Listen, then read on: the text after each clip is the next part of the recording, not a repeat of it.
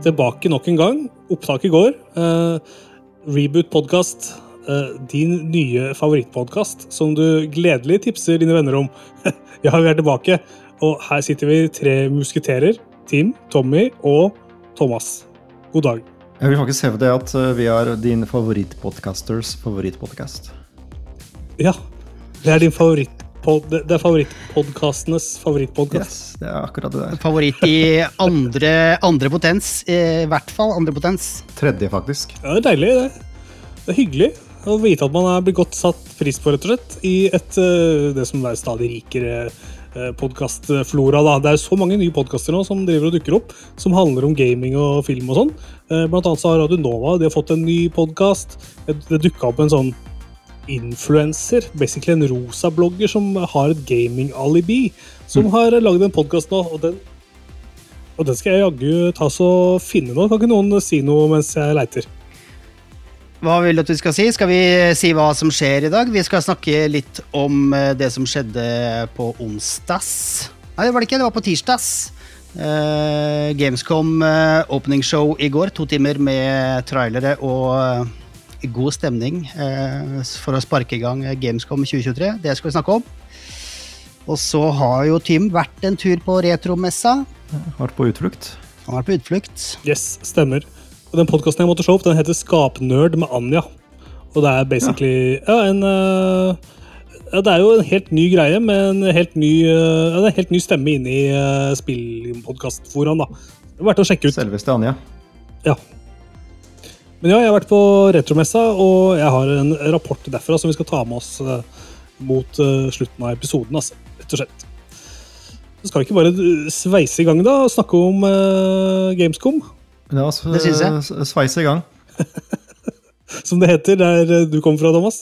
det var jo, Først så var det en streaker. Eller, altså Ikke en naken fyr, da, men det var jo sånn dude som løp opp på scenen. Fikk dere med dere det?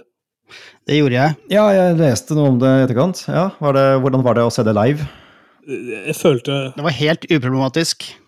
Ja, det var det, altså. Han kom løpende opp, og så, følte, og så trodde jeg at det kom at han hadde med seg flere. Jeg trodde det var tre-fire som kom opp, men jeg tror de mm. andre der, det var liksom Securitas-folk som, okay. uh, som, som, la han i bakken eller et eller annet sånt noe. ja, han eh, ble fort borte, for å si det sånn. ja, og han Jeff Keeley han tvitra seinere at han kom aldri til å ha mulighet til å gjøre det der igjen. Nei. Det var litt av en trussel, da.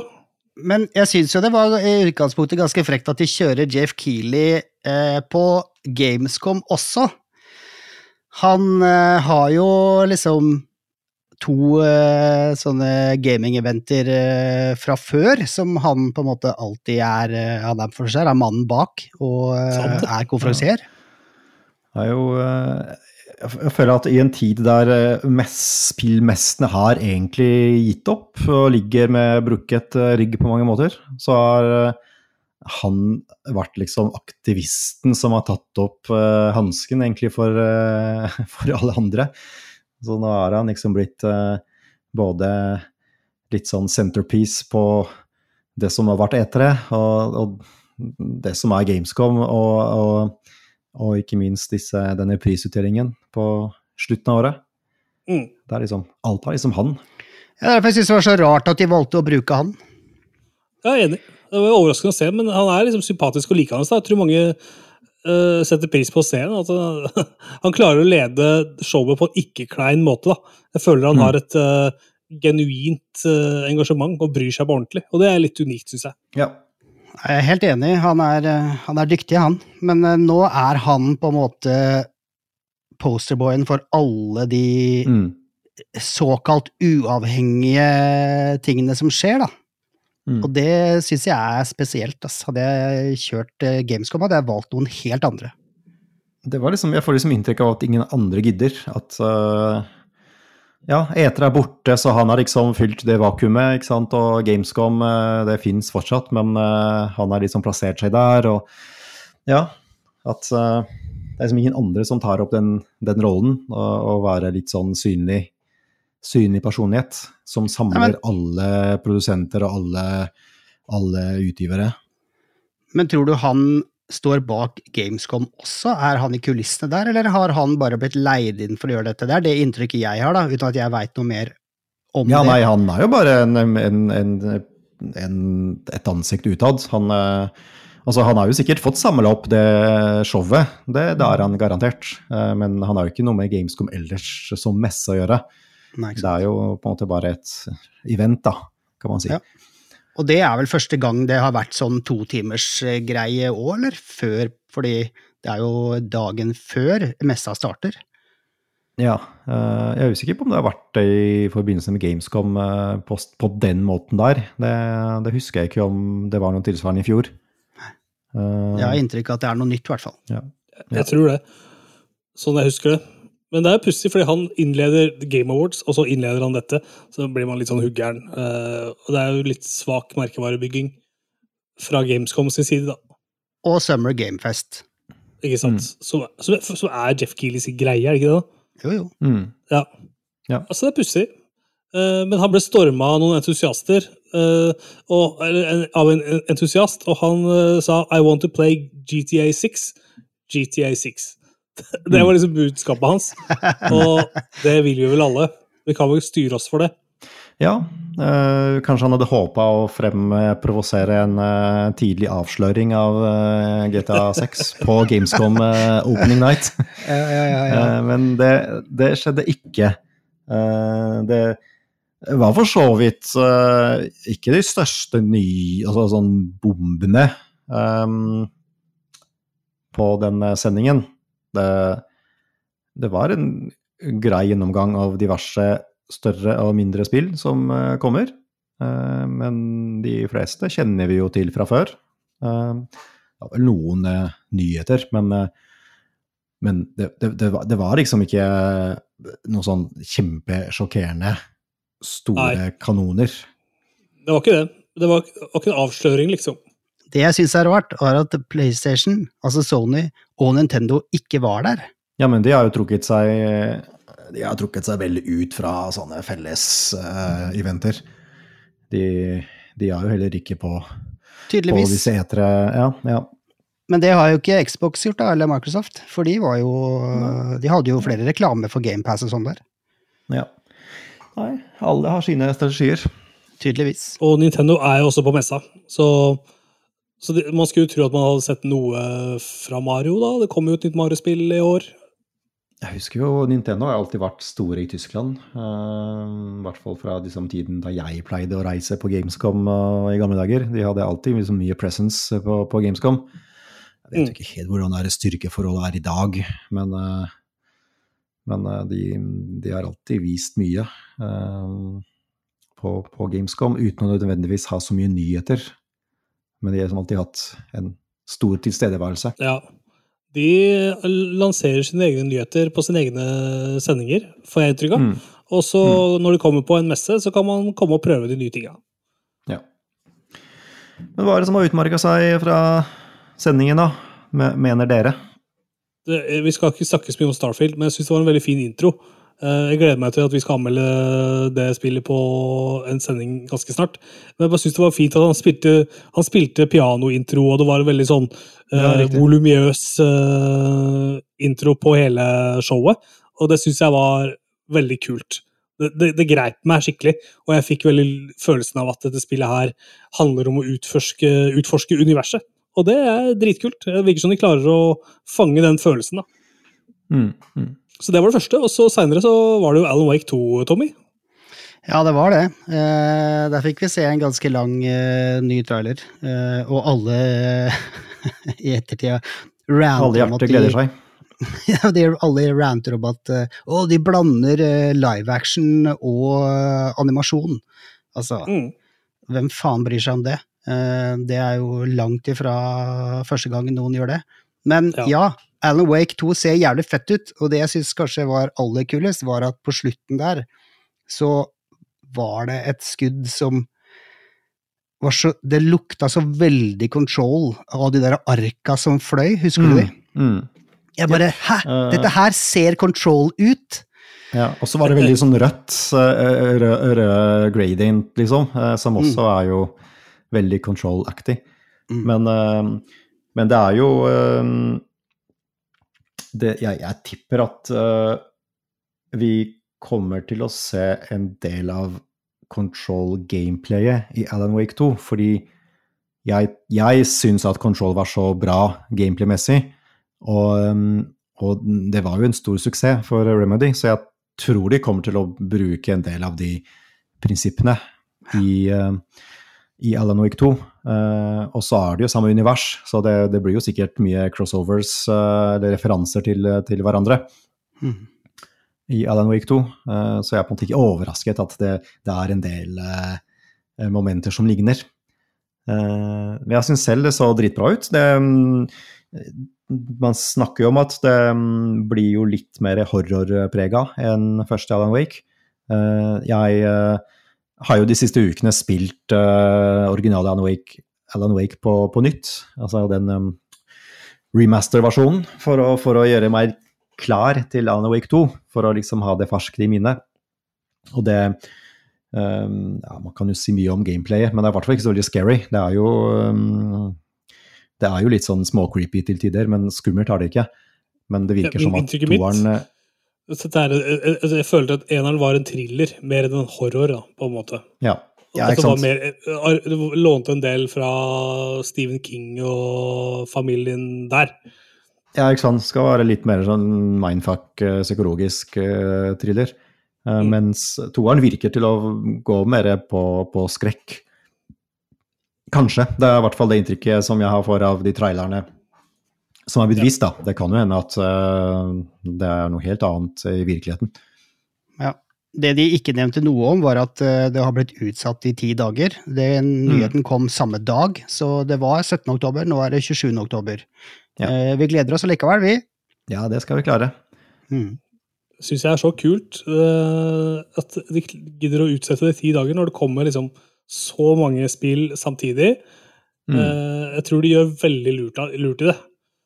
Um, det er nok av spill som blir uh, begravd i liksom jungelen av andre spill. Og det er ganske store spill òg iblant som blir uh, begravd.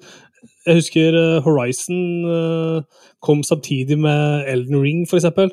Og Horizon-spillene Det var også et Zelda-spill som kom samtidig med et Horizon-spill, så jeg har liksom ikke helt fått med meg den serien av den grunn. Da. Eh, så jeg syns det er eh, veldig fornuftig av de å bare se at ja, her kommer det masse. Klarer vi å bare dytte det noen dager? Ja, det gjør vi. Så gjør de det. Så syns jeg det er mm. Eh, stor respekt av den avgjørelsen. da. Jeg syns vi kunne flytta det enda lenger ut i oktober. Nei, november, mener jeg. Ja. Når det er mindre spill som kommer. Men jeg tror de også vil posisjonere, posisjonere seg rundt halloween, så det, jeg tror det er litt viktig uh, å ikke gå glipp mm. av halloween-hypen. Det er sant, ass. Det er, uh, scary, det er et scary høydepunkt. Jeg gleder meg til halloween når du snakker om det. Scary season. Yes. Uh, en annen godbit er jo um, Cyberpunk 2077 Phantom Liberty. Mm som uh, kommer om ikke lenge i det hele tatt. For det er uh, eh, 26.9. som er dato, så det er jo en måned til. Og det er jo en ganske liksom, massiv delelse til Cyberpunk-spillet. Um, så de viste en ny trailer som viser ganske mye av det. Jeg syns også det ser veldig kult ut. Um, jeg fikk eh, Jeg runda Cyberpunk tidligere i år, etter at eh, det egentlig lå og samla støv uh, siden det kom. Jeg starta jo på det i 2020, og så syntes jeg det var kjedelig. Og så venta jeg ganske lenge, og så ble jeg ferdig med det tidligere i år. Og jeg syns jo det ble egentlig et ganske kult spill, etter alle oppdateringer og fikser og eh, patcher og sånn. Jeg må si meg enig. Faktisk så runda jeg det på søndag. Ja. Den, altså, helt nylig, altså. Det har ligget back, liksom i min backkatalog ganske lenge. Uh, men plutselig så var det over, gitt. Jeg hadde spilt ganske mye i det siste. Og så var jeg egentlig ikke klar for den slutten, da. Men så bare Ja, nå er det ferdig. Ok. Så nå er jeg egentlig klar for å For nå har jeg det så friskt i minnet at når den patchen kommer, så vil jeg se virkelig A, fra forskjell fra A til B, da. Jeg er helt motsatt ende der, da. Ja, du har ikke spilt i det hele tatt? Nei, jeg er helt imot denne. Jo, jeg har spilt i et par timer, og så bare eh, så bounsa jeg av. Og så hørte jeg at det skulle komme en DLC, den Phantom Liberty-greia. Og så var det snakk om at de skulle gjøre om på ganske mye av Mm. ja, Kanskje ikke core mechanics, men i hvert fall semi-core-greier. Og det sa de jo også nå, at alle de tingene som blir nytt i Phantom Liberty-DLC-en, det kommer også i en 2.0-patch til hovedspillet. Mm. Så jeg har venta på den. Ja, Ja. ja fair, fair nok. Eh, jeg venta også på Jeg venta jo på at de skulle komme med next gen patch og alt det der. Det kommer jo eh, til slutt. Så for meg var bare det eh, Bare det var verdt ventetiden. Også eh, med tanke på originalspillet. Uh, Det kan du si. Jeg kjøpte det faktisk til PlayStation 4, og det var helt ubrukelig. Ja, ja. Fysisk. ja. Nei, det, det hadde jo Det tok lang tid før det blei spill... Eller det var jo alltid spillbart på next gen-konsoller, men, men det er jo enda mer spillbart nå. Men eh, denne Phantom Liberty, eh, det er som du sier, Tommy, det gjør om på ganske mye av sånn ja, alle sånne perks og, og, og skills og sånn, hvordan det utarter seg. Hva si om ting om det der, fordi de der perksa og alt det der, det er ikke en del av den DLC-en. Det er en del av den patchen som kommer i starten av september. Så det er på en måte en egen gratis oppdatering som kommer til alle. Og så kommer Phantom Liberty med nytt story content. da. Ja, jeg trodde alt det kom samtidig, både, både patch og, og content. Ja, Det kommer i to omganger. Så, så I starten ja, av september så kommer den patchen. Det, lurer på om det er den 7. september. Og så Ja, okay. 26. så kommer hele den storyen. Ja, forstår. Men uh, da, da blir det dobbelt opp med godteri. Og det er aldri feil. Det blir noe for de som ikke gidder å betale òg. Ja, ikke sant. Ja. Men eh, det som jo er interessant, er vel at den DLC-en, altså selve, selve innholdet, da, det, det er vel eh, next gen eksklusivt, er det ikke det? Eh, så det vil jo ikke funke på eldre konsoller, og det er jo, det er jo jeg for. Det Alt er jeg for òg. Ja. Og det er jo virker som det er en, en slags liten trend, fordi dette nye Horizon-spillet fikk jo også en eh, PlayStation 5-eksklusiv DLC, da. Mm. Og den så jo virkelig smashing ut, den. Ja, det er kanskje en grei måte å løse det på, da. De føler at de må nå eh, alle som har eh, forrige generasjon med hovedspillet, fordi det er jævlig mye penger å hente der. Samtidig så har de lyst til å catere litt til folk som har kjøpt eh, har kjøpt eh, ny konsoll. Og sikkert Mm. også jævlig gøy for utviklerne å få lov å jobbe med noe som bare skal se helt sinnssykt fett ut, da. Mm. Mm. Har du noe annet dere føler eh, fortjener å bli nevnt? Jeg syns jo Ford Solis ser veldig spennende ut. Jeg har ikke, jeg, jeg, jeg har ikke, så, jeg har ikke dykka så dypt inn i det, men jeg, jeg liker liksom den uh, viben. da. Får litt sånn Dead Space og sånne ting-vibe. Uh, men Mm. du kanskje satte deg mer inn i det, Tommy? Ja, nei, jeg også fikk litt sånn Fy faen, det så kult ut. Og det- var jo tre av de tre skuespillerne som er med i spillet. Dette her er jo utvikla av et bitte lite studio. Men de har blant annet Troy Baker eh, på rollegalleriet. Mm. Og da spisser jeg øra med en gang, fordi Troy Baker er the shit når det kommer til stemmeskuespill. Um, Ja, så god. altså. dette kommer jo bare til Eller de launcha det faktisk eh, samtidig som de sto der. Så det er tilgjengelig på PlayStation 5 og på Steam. Hva sier du? Kan jeg spille jeg kjøpe det nå? Fort Solist? Nei. Jo, kan jeg kjøpe det nå? Ja, det kan du. Fantastisk. Koster eh, 299 på PlayStation i hvert fall. Steam aner jeg ikke, men uh, det er sikkert en ganske kort, uh, contained liten uh, greie. Som det så veldig pent ut, og jeg tror det også er litt sånn det er litt skummelt og litt sånn halv, halvhorrorete. Så jeg er også litt gira på den, faktisk. Ja, Det skal jeg jo sjekke ut. Endelig en mm. shadow drop. Mhm. Det kan jeg godt like, vet du. Det er jo vår, det er vårt favoritt, uh, vår favoritting det, i denne podkasten. Ja. Ja, absolutt. Offisielt shadow drops. ja vi, vi kommer tilbake til det også senere i sendingen. Yes. Og så er det Armored Core, da, sekseren, som vi skal anmelde på podkasten neste uke. Det blir bra. Det ser jo veldig flott ut, da. Ny, utrolig stramt og, stramt og fint uh, i grafikken. Uh, også Little Nightmares 3 var jo noe av det som de presenterte tidlig i, uh, i uh, showet. Og jeg har ikke så Mm. veldig mye forhold til Little Nightmares, men det virker som folk går litt, litt av hengslene. At de syns det er utrolig altså, Faktisk. Folk elsker den serien. Ja, jeg spilte det første, det var veldig kult. Eh, veldig indie. Eh, superkult. Toeren eh, har jeg ikke spilt. Eh, det som var nytt med treeren, var jo at det blir co-op. Ja. Eh, så det spørs om ikke jeg blir nødt til å komme meg gjennom toeren og så få spilt Mm. treeren. Kanskje coop med dama, for hun har spilt både eneren og toeren. Det er perfekt. Så mm. Kjærlighetsspill. Jeg kjenner jo til navnet, men, men jeg har aldri spilt noen av de. Men jeg ser jo raskt at det er, har en ganske kul visuell stil. Det er jo alltid, alltid kult med, med titler som ser litt annerledes ut. Mm. Mm. Helt enig. Og til slutt så tenkte vi å nevne Lords of the Fallen, eh, som du eh, også forelska deg litt i, Tommy. Det er ikke til forveksling med 2014-spillet. Dette er en oppfølger som heter nesten det samme, da. Men det ser jo Jeg får jo litt sånn Souls-vibber, eller er det feil? Nei da, eh, det blei ble sagt det, eh, at det er en Souls-like. Eh, Mm. Men det så veldig, veldig fett ut. Så det er i hvert fall en tittel som jeg ikke hadde hørt om, som jeg bare tenkte hm, det der eh, kan jeg nok hende at jeg kommer til å kikke litt på. Eh, det er fra et eh, studio som er splitter nytt, eh, visstnok. Hexworks, som eh, oppsto i 2020. Eh, Og hvem som er med der, om det, det er helt sikkert noen folk som har uh, lagd spill før, men uh, det virker som dette er det første spillet de lager, og de går, virker som de går ganske hardt ut, altså. Det er fett. Going hard. Mm. Og det liker vi. Det gjør vi. Folk som bare tømmer alt, alt kruttet og bare kjører på, liksom. Ja, går hardt ut med kruttet. Det er alltid en fin ting. Absolutt.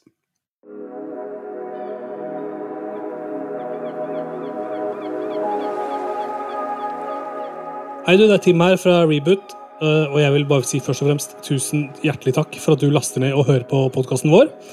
Det setter vi utrolig stor pris på. Vi gir dere anmeldelser og kvalifiserte meninger hver uke, så å si uten at vi egentlig trenger å få noe tilbake. Men det vi ønsker oss, er likevel litt grann drahjelp. Så vi setter pris på om du gir oss en stjernerating inne på Spotify, eller anmelder podkasten vår på Apple Podcasts. Og så er det veldig hjelpsomt da om du tipser dine venner om at vi fins.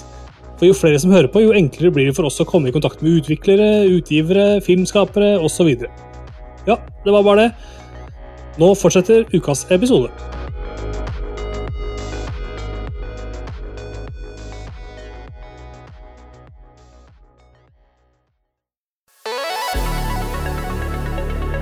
Ja, det var eh, fra Gamescom. Nå skal vi videre inn i de vanlige nyhetene. Og først så er det jo eh, sånn nå at Xbox 360-butikken, altså den digitale butikken inni, eh, inni konsollen, den stenger juli 2024. Så det betyr at det ikke blir eh, mulig for deg å kjøpe 360-spill eh, på en eh, Xbox 360-konsoll. Og så det føles jeg syns det føles eh, for tidlig, altså, eh, personlig, at den her nå eh, ikke skal være åpen lenger. Jeg føler at 360 det er liksom Det er for nytt, da. Det, er, det, føles for tidlig. Også. Det blir som å liksom kaste Og så føler jeg at det er som å kaste bøker på søppeldynga, på en måte. Det føles helt feil. Hvordan, hvem skal ta vare på de gamle 360-spillene, om ikke Microsoft sjøl klarer å holde butikken åpen? Men eh, nesten alt vil jo være tilgjengelig via nyere konsoller. Ja, mye av, det, mye av det blir tilgjengelig. At det blir i hvert fall spillbart. Ja, ja, altså, du, ja, spillbart og kjøpbart, eh, så lenge det er bakoverkompatibelt. Eh, så det, det gjelder hvis du har en Xbox 360 stående hjemme og bruker den til å spille med, Ja. så vil du ikke kunne kjøpe spillinger. Og, og jeg tror ikke det er så veldig mange som, som på en måte sitter med en Xbox 360 som de bruker som sin daily driver Nei. å kjøpe spill på. Så jeg, jeg tror det er veldig smalt uh, antall av folk som blir berørt av det. Altså. Men er det så mange av de 360-spillene som er uh, bakover slash framover kompatible? Jeg tror det er en Nesten alt. Ja, mener du det? Ja, ja. Jeg har fått inntrykk av at det er ganske, en ganske liten prosent. Yes. Det er nesten alt. Det er et lite prosentspill som ikke er det. Ok, ja da så. I så fall så er det ikke så farlig. Nei, det er ikke det. det er, jeg ser ikke på det som altså, Ja, det er jo kjedelig at ting blir stengt, da. Og, og, det er noen spill man ikke nødvendigvis får tak i lenger. Men uh, jeg tror uh, i det store og det hele så får du spilt det aller meste via bakoverkompatibilitet. Og får tilgang til det. Da er krisen avlyst. Uh, veldig bra. Men jeg er helt enig i at det er et poeng, at, uh, og dette er jo ikke en ny diskusjon heller, men den har jo blussa litt opp nå. Hva skjer med de spillene som ikke er tilgjengelige lenger? Det er de samme som har skjedd med, med filmer, som man ikke mm. får tak i lenger. Man får ikke sett mm. dem, fordi de er ikke på noen stemmetjenester. Uh, så kulturen blir jo fattigere av dette, det er det jo ikke en tvil om. Ja, det er jo, det er jo Den digitale verden er jo Gjør jo at ting er uh, veldig utsatt for uh, rettighetseierne uh, og dems på en måte strategiske valg, da. Hvis de velger å stenge, fjerne en film fra digitale tjenester eller spill, så så er du out of luck, liksom. Da får ikke du tak i lenger. Og det, mm. det skjer jo stadig vekk. Spill blir jo delista, og filmer blir tatt bort, ikke sant. Så det er sikkert bøker på Amazon også, og tilsvarende. Ja, helt sikkert. Det er sikkert en del musikk som ikke er uh, tilgjengelig for strømming også, eh, mm. som man kanskje hørte på på 80- og 90-tallet, som, som mm. er smalt, da. Mm. Så får man ikke tilgang på det lenger. Og det er jo liksom barndommen og sånn til folk som bare ikke er tilgjengelig lenger. Og det er kanskje ikke en menneskerett, men uh, det hadde vært kult hvis folk uh, som lager ting, har det, hadde hatt det litt mer i bakhodet. At uh, mm. vi har faktisk laget noe som betyr noe for folk, liksom. Ta George mm. Lucas mm. bare ødelegger de tre første filmene sine med å liksom fikse de opp. Og det går ikke an å få tak i de gamle lenger, for det nekter han, liksom. Mm. Eller gjør de bedre. Ja, det er, det er, en diskusjon, men uh, ja. Men jeg syns prinsipielt at begge to burde vært tilgjengelige. At jeg kunne ha ja.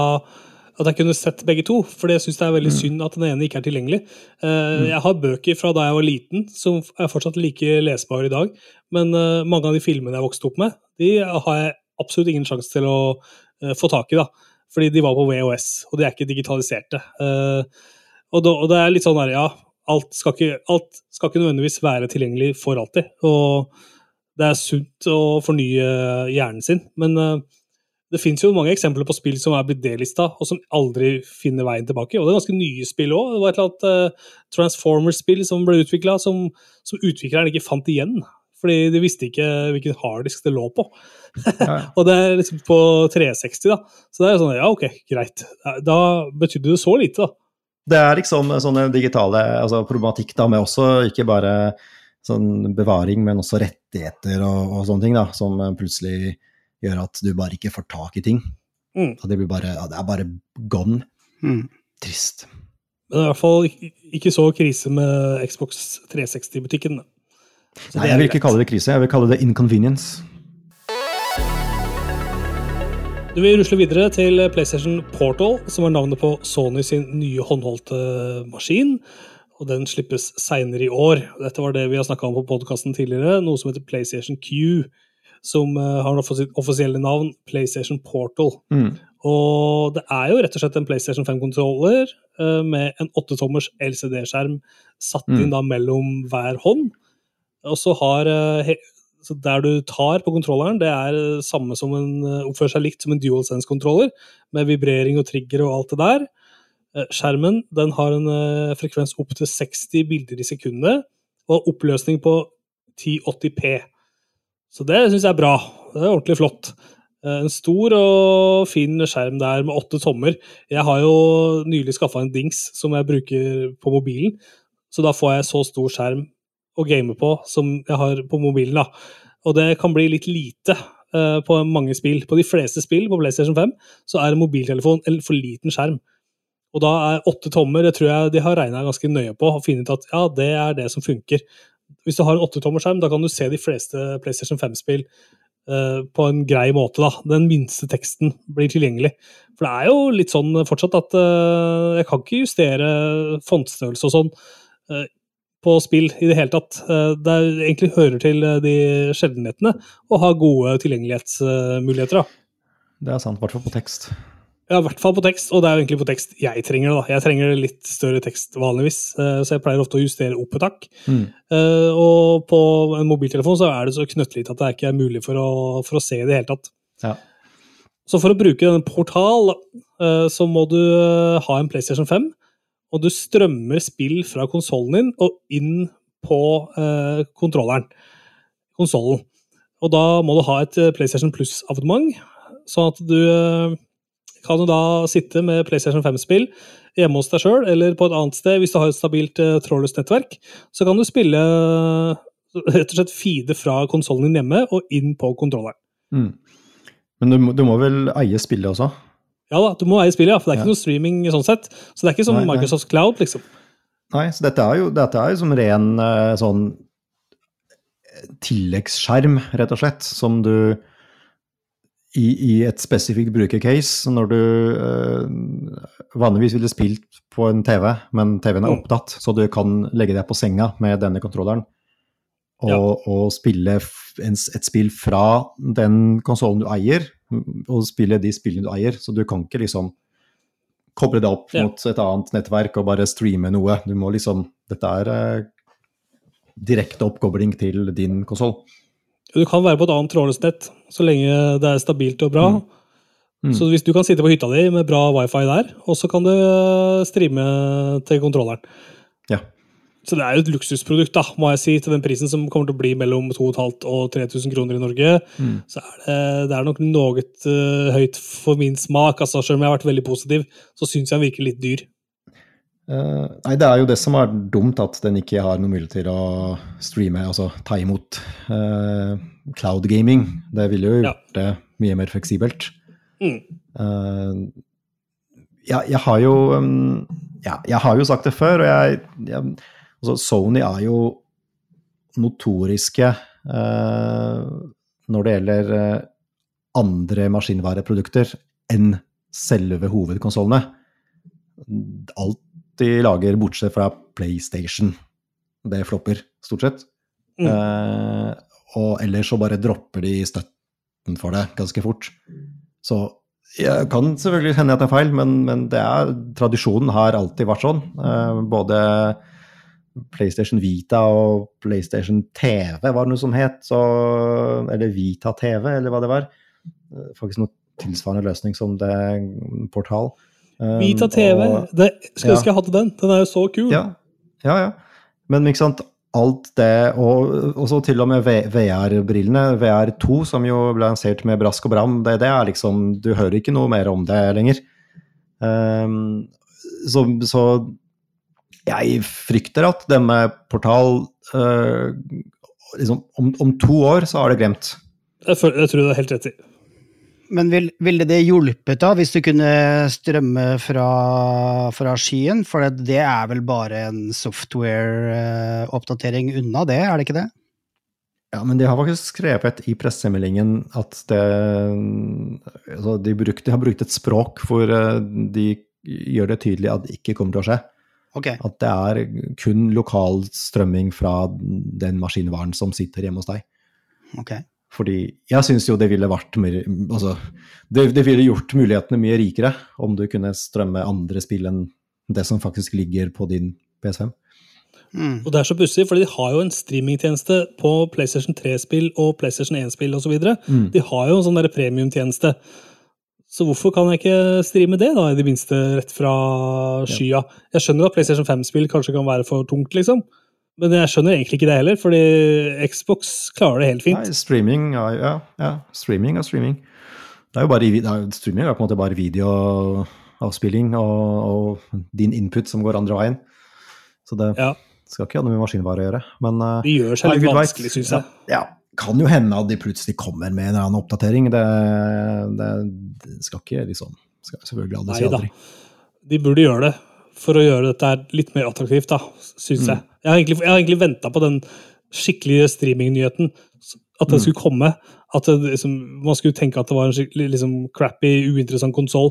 Og så skulle det vise seg likevel Ahaha, se her er vårt S i ermet. Dette blir en kjempe, kjempestreaming-tings. Men det gjør ikke det i det hele tatt. Det blir like dølt som vi hadde liksom sett for oss eh, hele veien. Ja, ja. Det er jo fordi streaming er lame. Det, det er det også, men eh, I hvert fall enn så lenge. Kan vi, jeg skulle ønske det var en OLED-skjerm. Eh, LCD det er det ingen som syns er gøy lenger. Eh, når til og med Nintendo kommer med en OLED-variant på sin håndholdte, syns jeg det er skuffende. Men eh, vi kan godt legge den død der, altså. Det er en uh, streamingnyhet til skjønner du, som ligger liksom butt i butt med eh, PlayStation eh, Portal, og det er det at eh, Microsoft de har nå lyst til å selge streamingtjenestene i denne Activision Blizzard-dealen til Ubisoft. Så Mm. det er et nytt eh, altså, hva skal man si, det er et nytt moment i den saken. Eh, fordi de har jo fått gjennom eh, salget sitt eh, i alle markeder unntatt Unnskyld, kjøpet sitt i alle markeder unntatt i UK. Og der har det stoppa helt opp, og der er det ikke noe sånne Der kan du ikke klage på den avgjørelsen, men du kan endre på avtalen, selvfølgelig. Og da blir det en ny diskusjon. mm. Og da handler det om at Ubisoft Pluss, som er streamingtjenesten til Ubisoft, at de får eh, avtale med å, å tilby alle Activision Blizzard-spill på streaming i, i skyen, da. Ja, det er en pussig måte å løse det på. Eh, Jeg lurer liksom på jussen rundt det. Men, eh, Ja. men det, det, ja, det er liksom funny. At Activision-spillene kommer til å ligge, altså Call of Duty-spill kommer til å ligge, kommer til å hostes på Ubisoft sin eh, strømmetjeneste. Eh, da vil kunne aksesseres fra øvrige konsoller, eller øvrige flater. Ja, funny. Det, de sier, er at eh, hvis denne dealen blir, går gjennom, så blir streamingavtalen for alle nye Activision Blizzard PC- og konsollspill de neste 15 åra gitt til Ubisoft. Ja. Eh, Så da er det Så får vi se, da. Etter 15 år, om ikke Microsoft kjøper Ubisoft. og så bare tar de hele kaka. Men uh, som vi også alle er enige om, så er streaming lame, og de får bare kose seg med å strømme Call of Duty fra Ubisoft pluss uh, til uh, ja, til krampa tar dem. Jeg kommer ikke til å spille det fra, på den måten uansett. Nei, jeg har testa det litt, og det funker ganske bra, altså. Men eh, det, det, altså, jeg har en iPad som koster La oss si at den kosta meg 10 000 da, da jeg kjøpte den. Eh, den er jo dyrere enn en uh, konsoll, da. Så jeg kunne jo like gjerne spille, spille på TV-en. Altså, Mm, mm. ja, ja. Det er vel convenience. Det handler vel om å tilby et eh, fullverdig et, et, et helhetlig prosjekt Altså helhetlig eh, eh, tilbud, da. Sannsynligvis. Mm. ja, og kanskje å være tidlig ute, eh, ikke minst. Med Ja, ikke å få det til å funke, bare Ja. Det, fordi jeg er i hvert fall villig til å gjøre ganske mye for å få den Activision Blizzard-dealen til å gå gjennom. Eh, og de kommer vel ikke til å gi seg med den eh, strømmegreia uansett. Nei, ikke sant. Ja, det er liksom litt, eh, litt for seint å snu nå. Vi skal gå videre til mer hjemlige nyheter. Det har seg nemlig sånn at det norske studio Dpad Studio, som holder til i Bergen, de har blitt nominert uh, til en pris på Gamescom i år. Og da er det spillet Savant Ascent Remix uh, som er nominert på Gamescom, som sagt, for beste lyd. Og da vil jeg anta at det er beste lyddesign. Og jeg tenkte, la oss, uh, la oss høre da på lyden til Savant.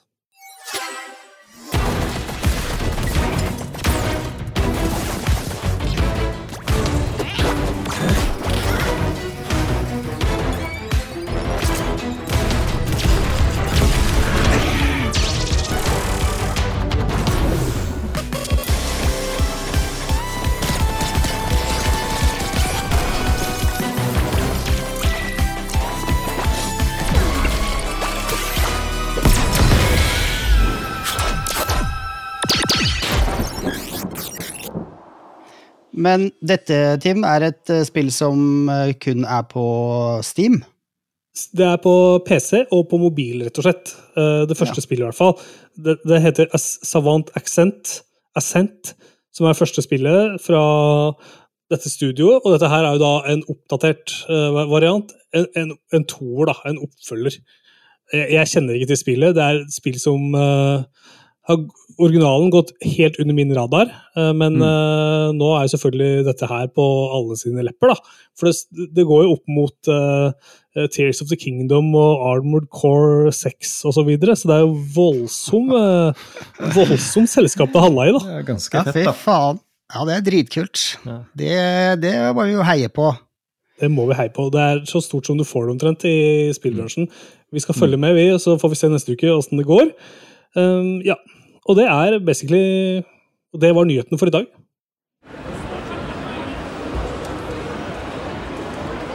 Ja, nei, du, Jeg tar deg med til uh, Sandefjord. Det du hører i bakgrunnen, er rett og slett Vi er på messegulvet i uh, hallen der retromessa Eh, fant sted eh, forrige helg. Eh, lørdag og søndag retromesse fra morgen til kveld, og stappfullt i lokalet. Og et dampende skal man kalle det en dampende kakafoni av mennesker. For det var ganske lummert i Sandefjord denne dagen. Så vi var svette på ryggen, alle mann som var der inne. Og det er greit nok, det. er God, god, god aircondition og ventilering i en sånn Eh, sportshall, selvfølgelig. Men eh, det var jo kanskje litt mer nerdete enn det pleier å være, da. Mm. Her, for den som ikke har vært på messa, så kan jeg si det at det er ganske tett i tett i tett. Masse salgsboder og masse spill som man kan uh, spille, gamle spill. Og bra med salgsboder som du kan handle inn de tinga du trenger til samlinga di.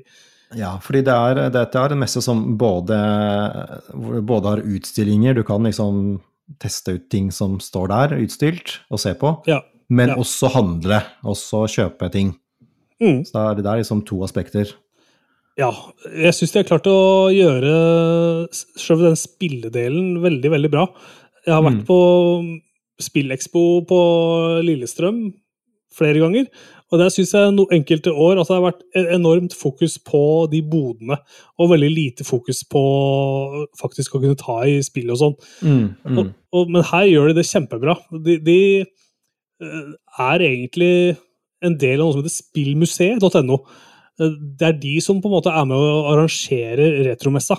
Og de har liksom en haug med gamle konsoller stående på pall klare til å bare shippe ut. Og man kan leie konsoller derfra og ha det som en sånn Uh, som et event uh, i bedriften sin eller uh, i ja. ut, utdrikningslaget sitt eller whatever. da. Ja. Og da er det alltid fra gamle Commodore 64 til Virtua Boy fra Nintendo.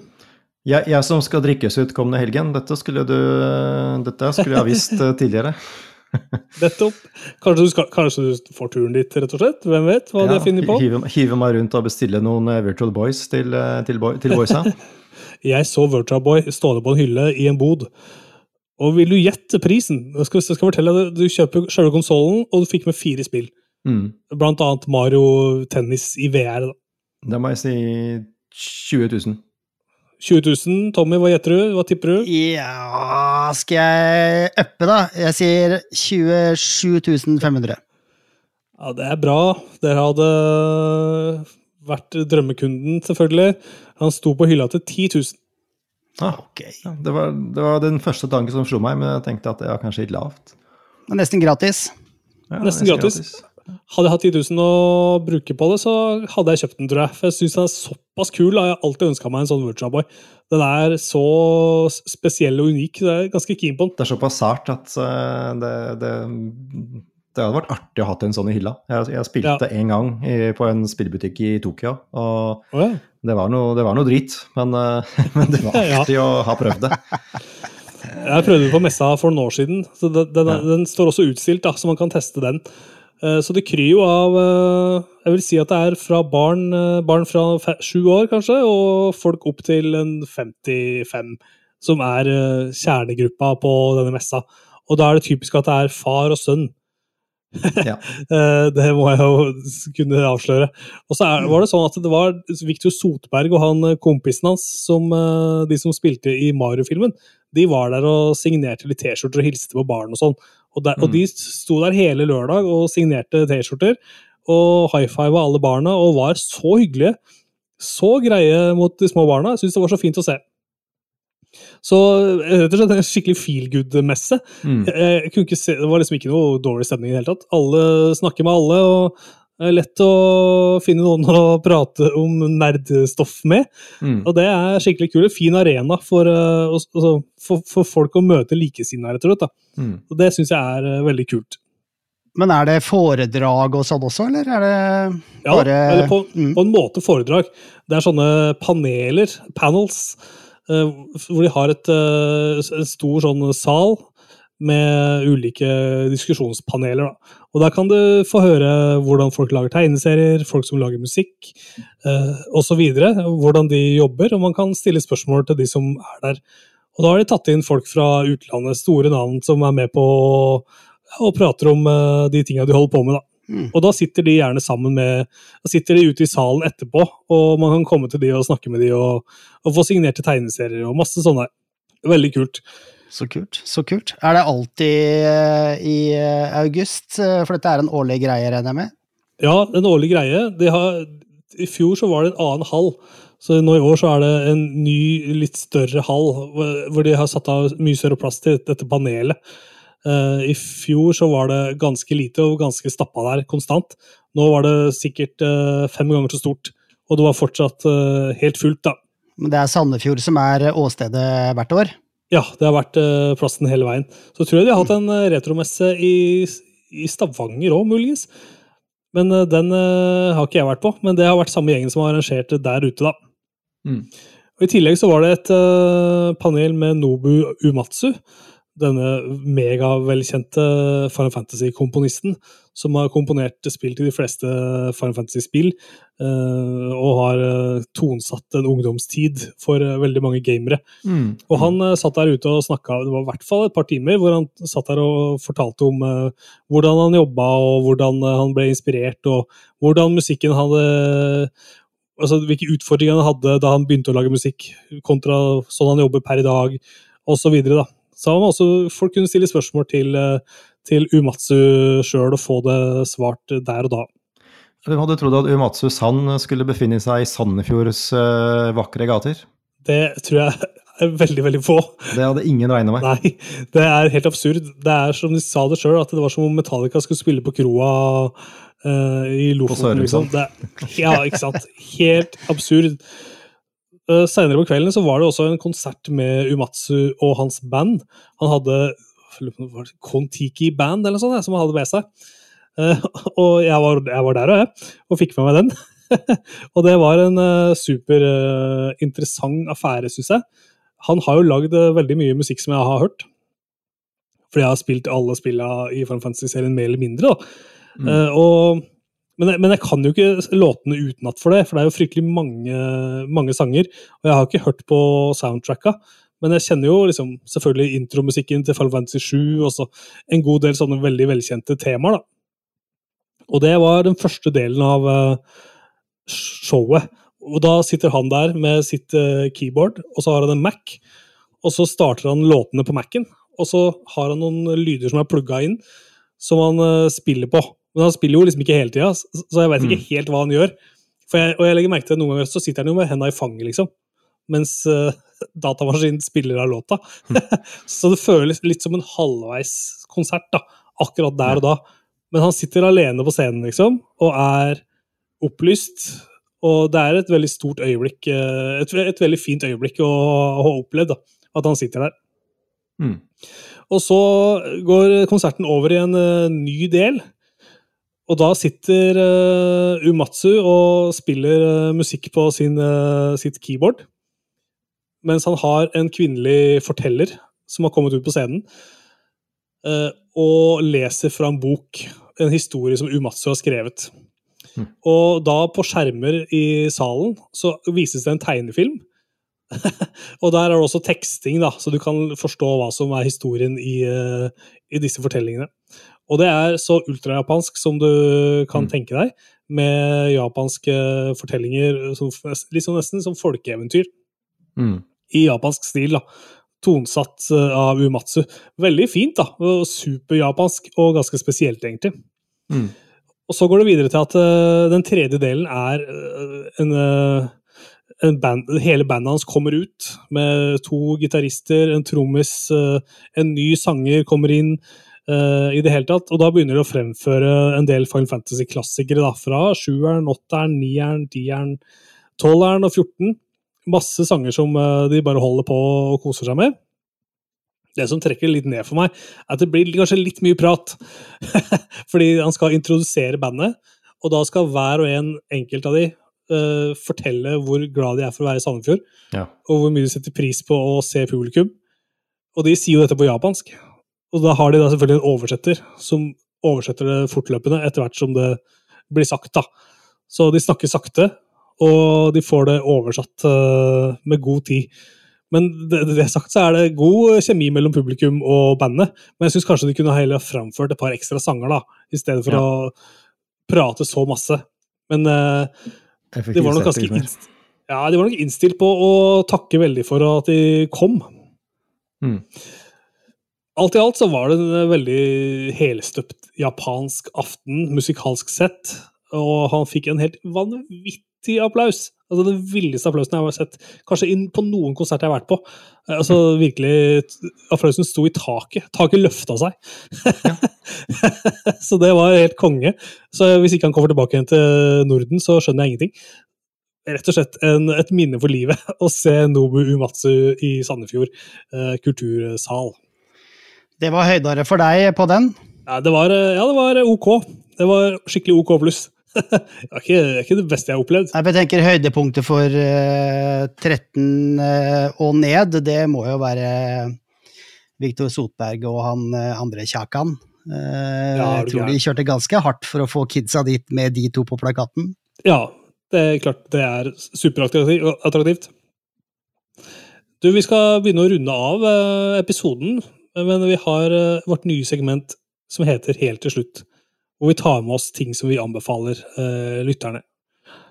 Og Thomas, du har vært mystisk. Eh, latt være å fortelle på forhånd hva du har tatt med deg i dag. Vi er spente som få, vi to. Mystikken har egentlig bare vært uh, på utsiden, fordi det, det var egentlig kun fordi jeg glemte at jeg skulle si akkurat den tingen som jeg skal si. Så, Ok. ja, så, så det, som, som, som det ofte er med mystikk, så er uh, underliggende årsaker til mystikken uh, ofte ganske, ganske jordnære. Ja. Uh, men uh, jeg vil bare gå, gå litt tilbake til Gamescom eh, og denne, mm, denne konferansen, eller presentasjonen i går. Fordi der kom det jo også en annen shadow drop uh, til Xbox, altså Age of Empires 4. Um, som jo er et veldig bra strategispill. som da blei droppa til Xbox i går. Som det har jo vært uh, tilgjengelig til PC i flere år. Husker ikke helt når det kom, men det er vel noen år tilbake. Mm. Uh, jeg, jeg snakket tidligere om uh, Age of Empires 2, eh, som på vårparten fikk en Det, det er kjempeklassisk sånn 90-talls eh, RTS, og det, det fikk en sånn remaster til Xbox. Eh, og og nå, nå kommer det altså mm, spill nummer fire i denne serien, som er det nyeste spillet. Mm. Eh, så dette er eh, ordentlig sånn solid, klassisk RTS-strategi. som jeg syns det, er en sjanger jeg liker godt. Jeg som er litt sånn 90s eh, PC-kid. Så det er liksom FPS og RTS er liksom de to sjangerne som jeg har et godt forhold til. Eh, Så eh, hvis eh, man har en Xbox eh, og GamePass og er glad i real-time strategy, så kan man, og burde, laste ned Age of Empires 4 og sette i gang, fordi dette er gode, gode saker. Ikke til forveksling med Civilization 4. Det er noe helt Nei, annet. det, det er noe helt annet. Det er jo også Ja. på Xbox og GamePass. Jeg husker ikke helt hvilken Civilization, men det kom jo også til, til Xbox for noen år tilbake. Eh, alt dette er strålende spillbart på kontroller. Den der myten at uh, sånne strategispill ikke funker på konsoll, den, eh, den er avlivet for lengst. Ja. Kjempemessig. Sjøl har jeg med meg en TV-serie helt til slutt. Den heter Nedgravde hemmeligheter. Det er en krim, en britisk krim, rett og slett, som er tilgjengelig på TV2 Play. Og så er det enkelte sesonger som er tilgjengelig på NRK TV-spiller. Dette er eh, veldig, veldig koselig for meg. Ikke fordi jeg elsker morbide dødsfall osv., men fordi jeg er veldig glad i sekvenser hvor man holder på med avhør. Og ser hvem som ljuger og hvem som ikke ljuger. Og det er, en veldig, det er de veldig gode på i den TV-serien her. Å å fange det Folk er forskjellige i en avhørssituasjon. Mm. Så den serien heter Nedgravde hemmeligheter, og er tilgjengelig på TV2 Play og NRK sin nettspiller, som sagt. Har du spilt mye LA Noir, eller? Jeg har spilt litt LA Noir, altså. Og det er eh, litt LA Noir-vibes i disse intervjuene her. Jeg måtte faktisk snakke med samboeren min om disse Om akkurat det der. Så nedgravde hemmeligheter, altså. Tommy, har du noe helt til slutt? Jeg har det. Eh, Jeg har akkurat eh, sett ferdig sesong to av en serie på Prime Video som heter Hunters. Jeg så sesong én ganske kjapt etter at den kom i 2020, og nå er eh, sesong to ute. Eh, har dere hørt om den? Nei, Aldri. Kan jeg eh, friste med Al Pacino, Lena Olin og Udo Kier, eh, blant annet, på, eh, i rollegalleriet? Hm. Gjerne det. Gjerne Al Pacino, altså. Al Pacino i TV-serie, er interessant. Ja, det er det.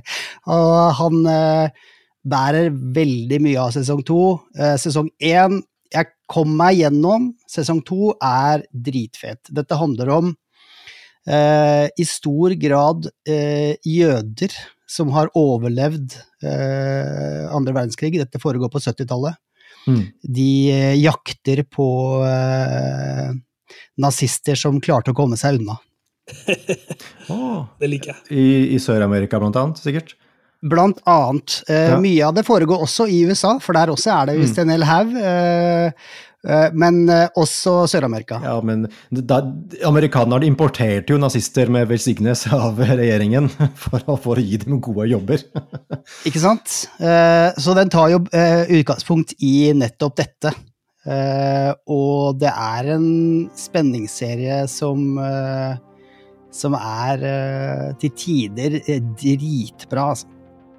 Du, det var helt til slutt, det. Så med det så tar vi og avslutter vår eh, episode 42 av Reboot podkast.